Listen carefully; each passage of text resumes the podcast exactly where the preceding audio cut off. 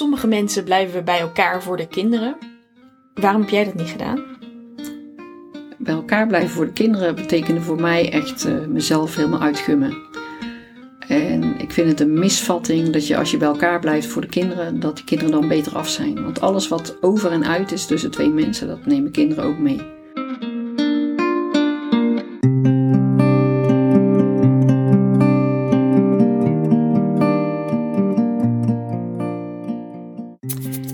Welkom bij Even aan mijn moeder vragen, de podcast.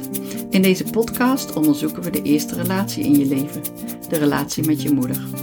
In deze aflevering praat ik met mijn dochter Marten over huwelijk en echtscheiding. We onderzoeken waarom je beter wel of niet kunt trouwen, wat de ingrediënten zijn voor een goed huwelijk en waarom huwelijken niet mislukken, maar hun bestemming vinden.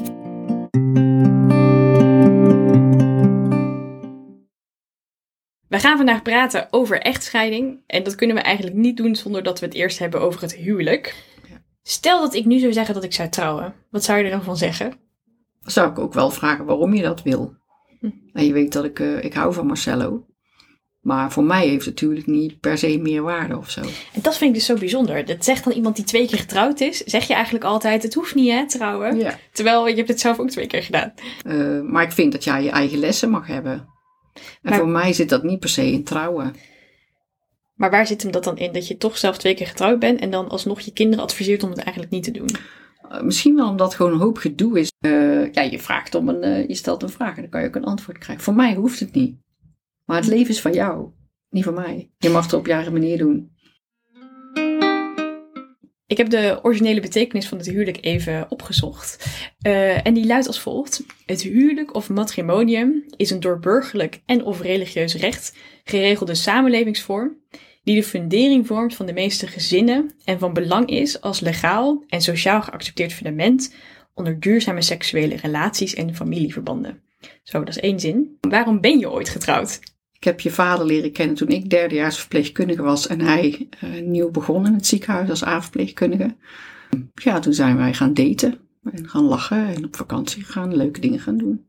En van het een kwam het ander.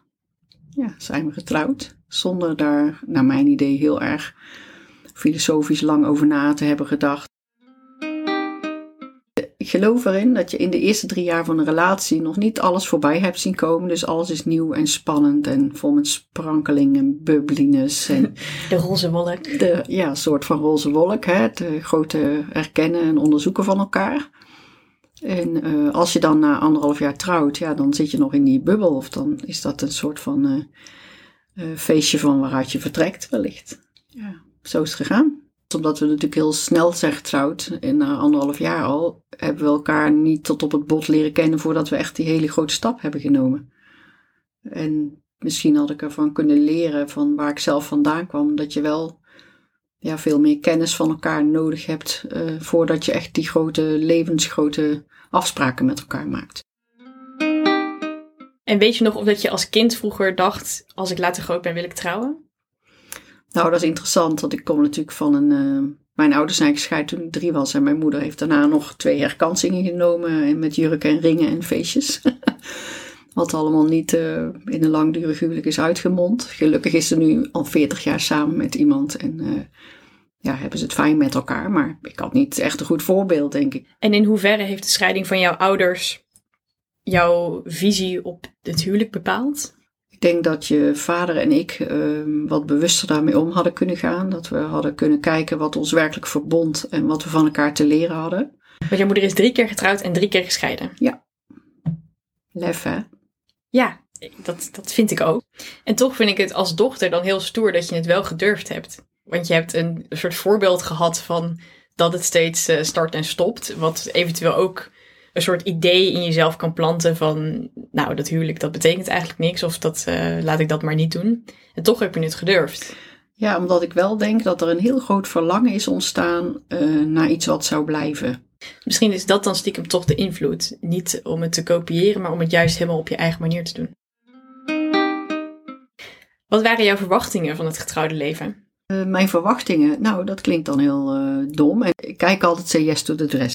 Uh, wat me irriteert altijd is dat mensen heel erg hun dag wel organiseren. Het feest en het eten en de bloemen en de jurk. En ja, daar een hele poos mee bezig zijn, daar ziel en zaligheid in stoppen. Maar wat ik herkende was dat ik zelf toen ook zo was, maar dat ik me nooit heb afgevraagd, ja, wat is een huwelijk eigenlijk? Wat betekent dat?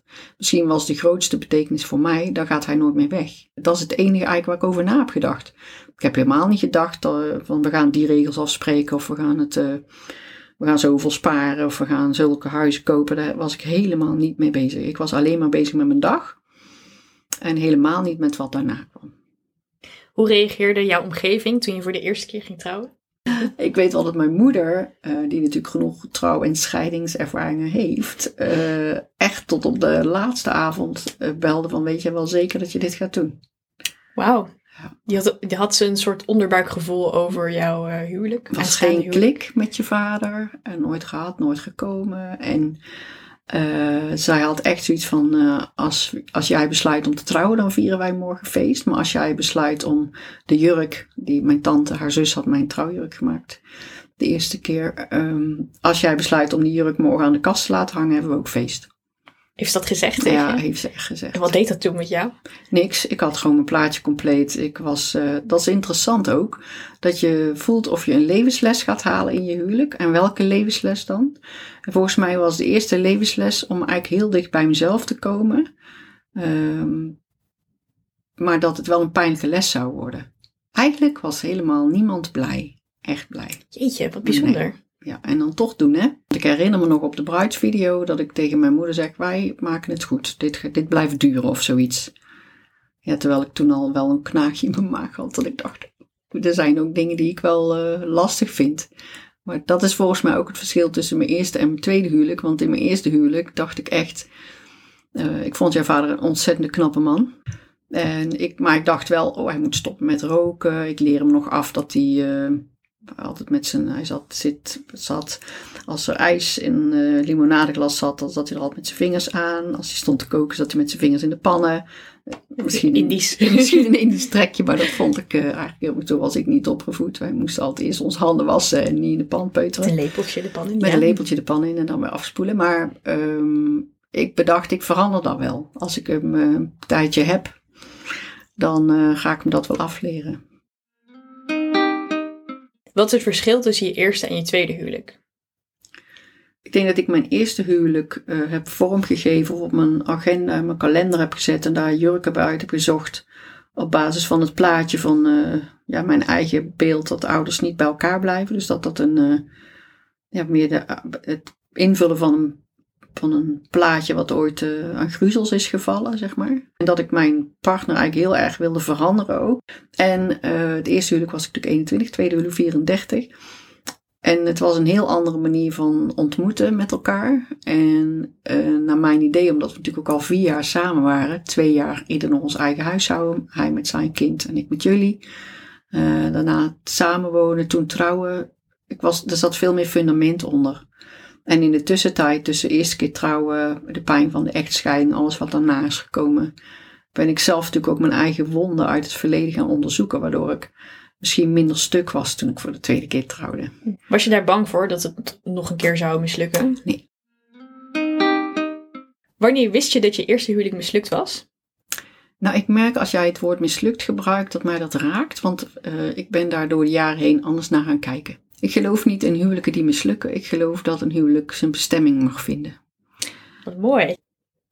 En ik weet ook hoeveel pijn het in je hart doet dat je, uh, dat je gedwongen wordt, omdat de waarheid is zoals die is, om die ook te omarmen. En als je dan zegt ik ben mislukt of mijn huwelijk is mislukt, dan doe je het proces geen eer aan.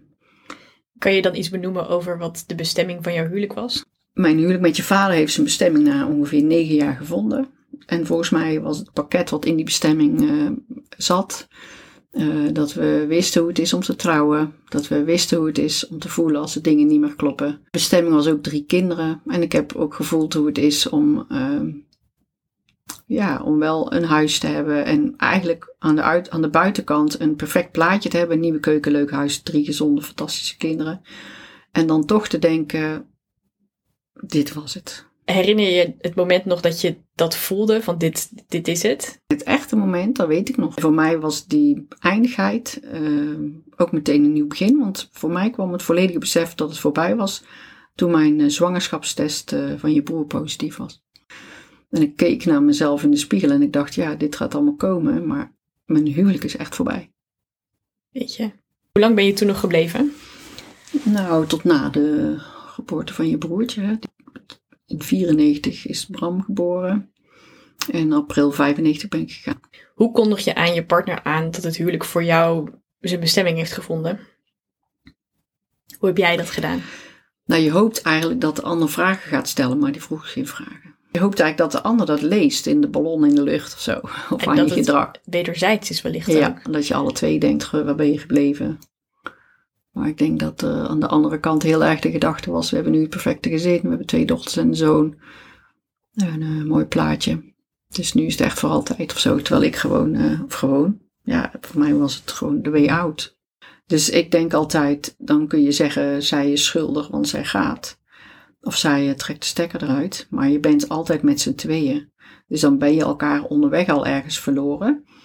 Mm, en ik ben de aanrichter daarvan. Ja, dat recht, dat, dat levensrecht heb je ook. En je hoopt dat de ander dat aanvoelt komen of weet ik het. Maar goed, de ander wil misschien die werkelijkheid helemaal niet hebben. Dus het was niet wederzijds. Nee, nee, het was zeker niet wederzijds. Nee. En heb je ooit nog iets van relatietherapie of zo toen gedaan? Ja, ja, ja, maar ik weet nog dat die man zei van, eh, volgens mij is het besluit al genomen. Oh, wauw. Ja. Dus je hebt wel gedacht, ik ga nog proberen om eh, het te Nou. reanimeren. Of hoe gaat dat dan?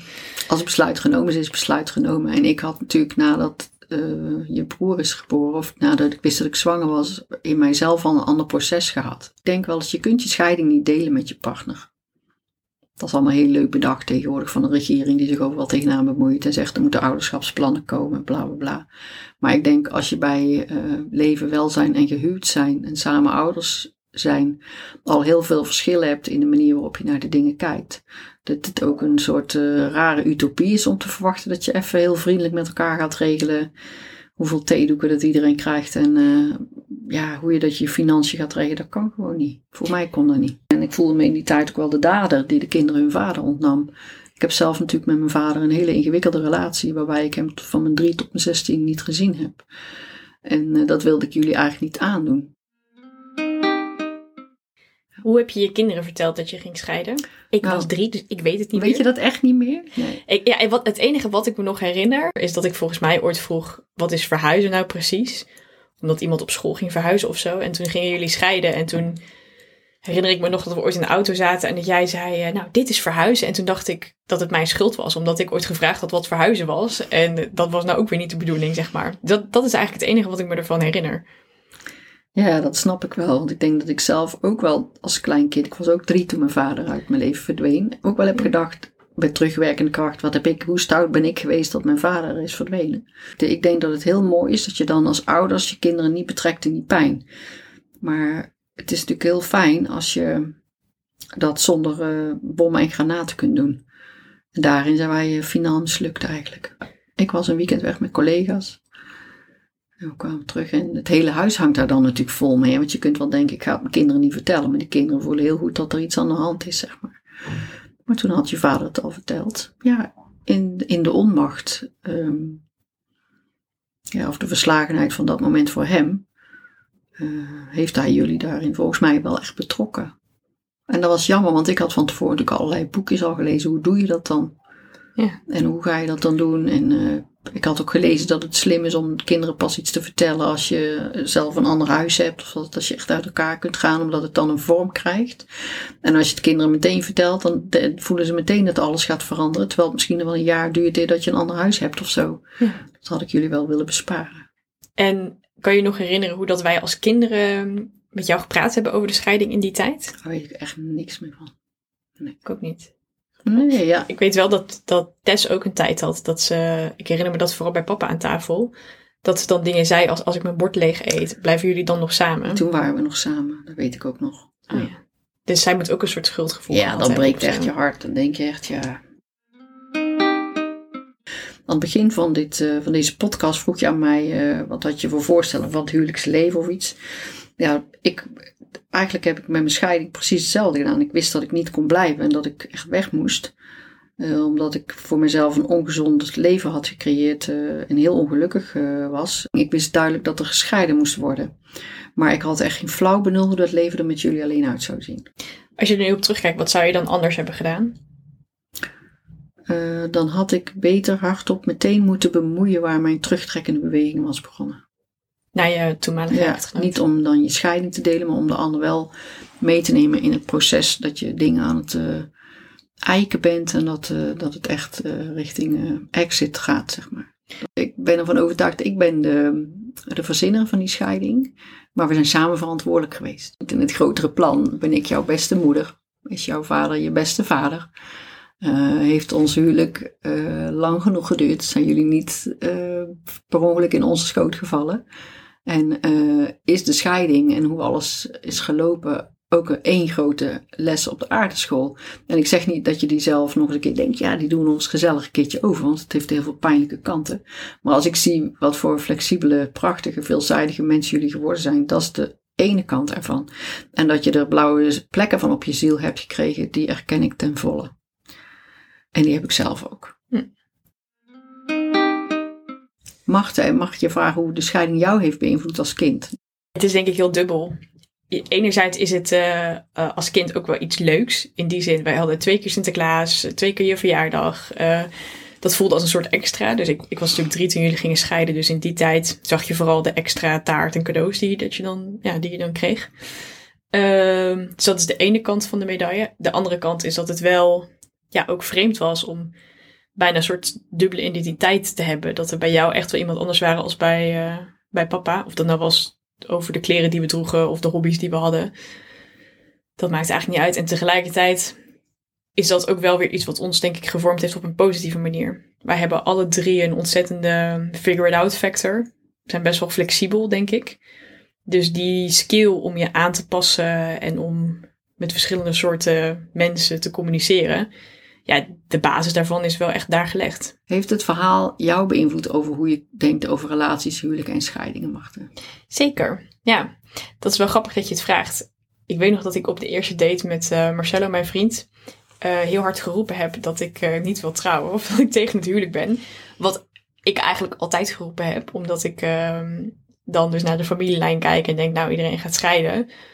Dus dan moet ik er maar niet aan beginnen. Um, en voor hem is het huwelijk heel belangrijk. Zijn eigen moeder is nooit getrouwd. En dat vond, ze, dat vond ze heel erg. Dus in zijn. Hij heeft het verlangen om als een soort legacy naar zijn moeder ook uiteindelijk wel met iemand te trouwen. Uh, en inmiddels durf ik wel te zeggen dat ik dat wel, dat ik er wel ja op zou zeggen. Maar in die zin dat ik ook wel geloof in je eigen verhaal maken. En, uh, en het heeft dan voor mij gewoon minder betekenis als voor de ander. Wat ik ook wel interessant vind, is dat ik schrijver ben. Dus ik zou nooit mijn achternaam willen veranderen. Want dan, ik heb al een boek geschreven met mijn naam erop. Dan klopt, dan klopt dat niet meer. Volgens mij is het allerbelangrijkste dat twee mensen voelen, los van hun verhaal, wat ze met elkaar aan te gaan hebben. En sowieso ook een huwelijk en een feest en zo. Het lijkt mij super leuk om een, uh, een witte jurk een keer te hebben of aan te doen. Maar om zoveel geld in een feest te stoppen, terwijl je daarvan verwijzen van vijf keer op vakantie zou kunnen. Ja, doe mij dan maar die vakantie. Dus ik zie mezelf zeker wel ooit trouwen. Maar dan eerder naar een ver land gaan en daar op een prachtig strand uh, met alleen Marcello en wellicht twee getuigen of zo trouw. Als dat ik hier een heel groot feest geef. Of ja, Wat betekent het voor jou, het huwelijk? Mm, eigenlijk betekent het helemaal niks meer eigenlijk. Ja, voor mij is het meer, ik denk wel dat mensen tegenwoordig kopen mensen huizen. En dan denk je, ja, dan zit je meer aan elkaar vast als wanneer je dat feestje doet. En hoe groot of hoe klein dat je het maakt, dat moet je natuurlijk zelf weten. Ik denk dat een huwelijk eigenlijk een soort eikmoment is, waarvan ik denk dat je niet per se een huwelijk nodig hebt om dat te hebben. Een eikmoment om te kijken van, goh, hoe staan we in het leven en wat zijn onze toekomstplannen? En of dat nou is, we gaan een huis kopen of we gaan uh, kinderen krijgen of weet ik het wat. Dat maakt eigenlijk niet zoveel uit, maar het is een soort moment waarop je daarover met elkaar om de tafel gaat. Waarom ben je voor de tweede keer getrouwd? toen had ik een enorm verlangen, uh, ook wel weer naar iets wat dan samen zou komen, wat onder één dak zou kunnen. Uh, en ik wilde ook wel een keer echt ja zeggen tegen iemand.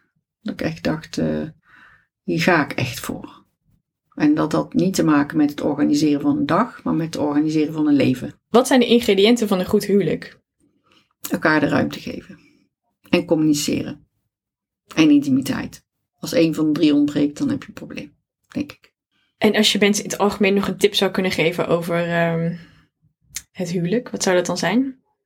Als ik tip, één tip zou mogen geven aan mensen die, die met de gedachte spelen om te trouwen met de relatie eh, die ze nu hebben, dan zou het zijn: uh, plan niet alleen je bruiloft en je bloemen en je kapsels en je schoenen, maar plan ook je huwelijk. Wat verwacht je er eigenlijk van? Uh, waar moet de ander, wat moet de ander nou echt brengen? Wat is het verschil wat dat huwelijk mag maken?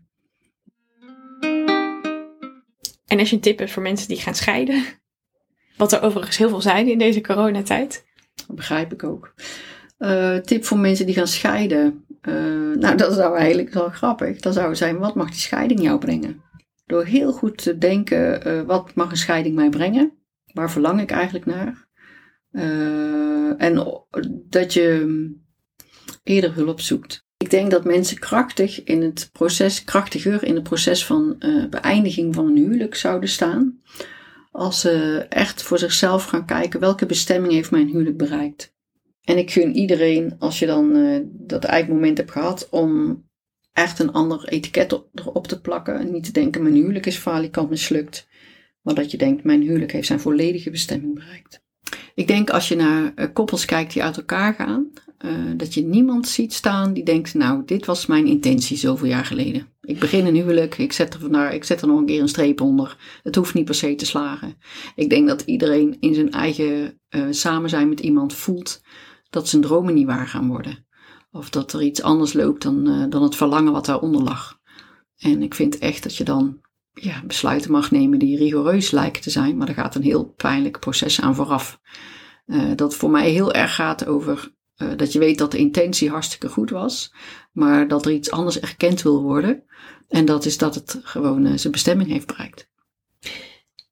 En wat ik je dan eigenlijk hoor zeggen is dat het dus goed is om een intentie te hebben voor je huwelijk. En tegelijkertijd wellicht ook een intentie voor je echtscheiding. En dan zou het natuurlijk kunnen zijn dat je in de, de heat of the moment denkt: mijn intentie is, ik wil van deze vervelende vent af. Maar daaronder zit dan misschien nog iets anders. Nou, je echte intentie als je dan besluit neemt om te scheiden, is dat je, uh, dat je de prijs daarvoor betaalt. Hè, met het verlies van al je illusies. Dat vond ik een pijnlijke prijs, want die komt elke zoveel jaar een keer terug. Hè, bij verjaardagen, bij hoogtepunten waarbij je dan niet samen als stel ergens op de tribune zit. Uh, maar de intentie is natuurlijk dat je goed uit elkaar gaat en gewoon ouders blijft van die kinderen. Maar ja, soms loopt dat uh, anders. Sommige mensen blijven bij elkaar voor de kinderen. Waarom heb jij dat niet gedaan? Bij elkaar blijven voor de kinderen betekende voor mij echt uh, mezelf helemaal uitgummen. En ik vind het een misvatting dat je als je bij elkaar blijft voor de kinderen, dat die kinderen dan beter af zijn. Want alles wat over en uit is tussen twee mensen, dat nemen kinderen ook mee. En volgens mij is dat, uh, ja, dat is ook beschadigend. Of dat is ook ondermijnend voor de ontwikkeling van een kind. En ik denk, ondanks de prijs die we overal voor betaald hebben, jullie, jullie prijs, ik de mijne, je vader de zijne, uh, ben ik er echt uh, duizend procent van overtuigd dat ik de goede keuze destijds heb gemaakt. Door niet bij je vader te blijven.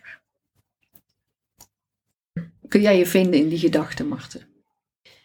Ik denk dat je het goede voorbeeld hebt gegeven met jouw scheiding. Wellicht niet in, um, wellicht ook in hoe dat je het niet moet doen, omdat je sommige dingen, jullie sommige dingen niet handig hebben geregeld. Um, maar de, de fundamentele gedachte, als je beter kan, kan je beter gaan. Of blijf niet ergens waar, uh, waar je ongelukkig bent dat is denk ik heel sterk. En zo kijk ik ook naar de echtscheidingen van oma. Uh, ja, drie keer getrouwd en drie keer gescheiden is voor mij geen schande. Ik vind dat alleen maar heel erg ja, lef tonen. Dat ze drie keer de ballen heeft gehad om te zeggen: Dit is niet wat ik wil. En, uh, en voor jou net zo. Bedankt voor het luisteren naar Even aan mijn moeder vragen de podcast. Wil je meer weten over ons? Ga dan naar www.evenaanmijnmoedervragen.com of volg ons op Instagram. Tot gauw!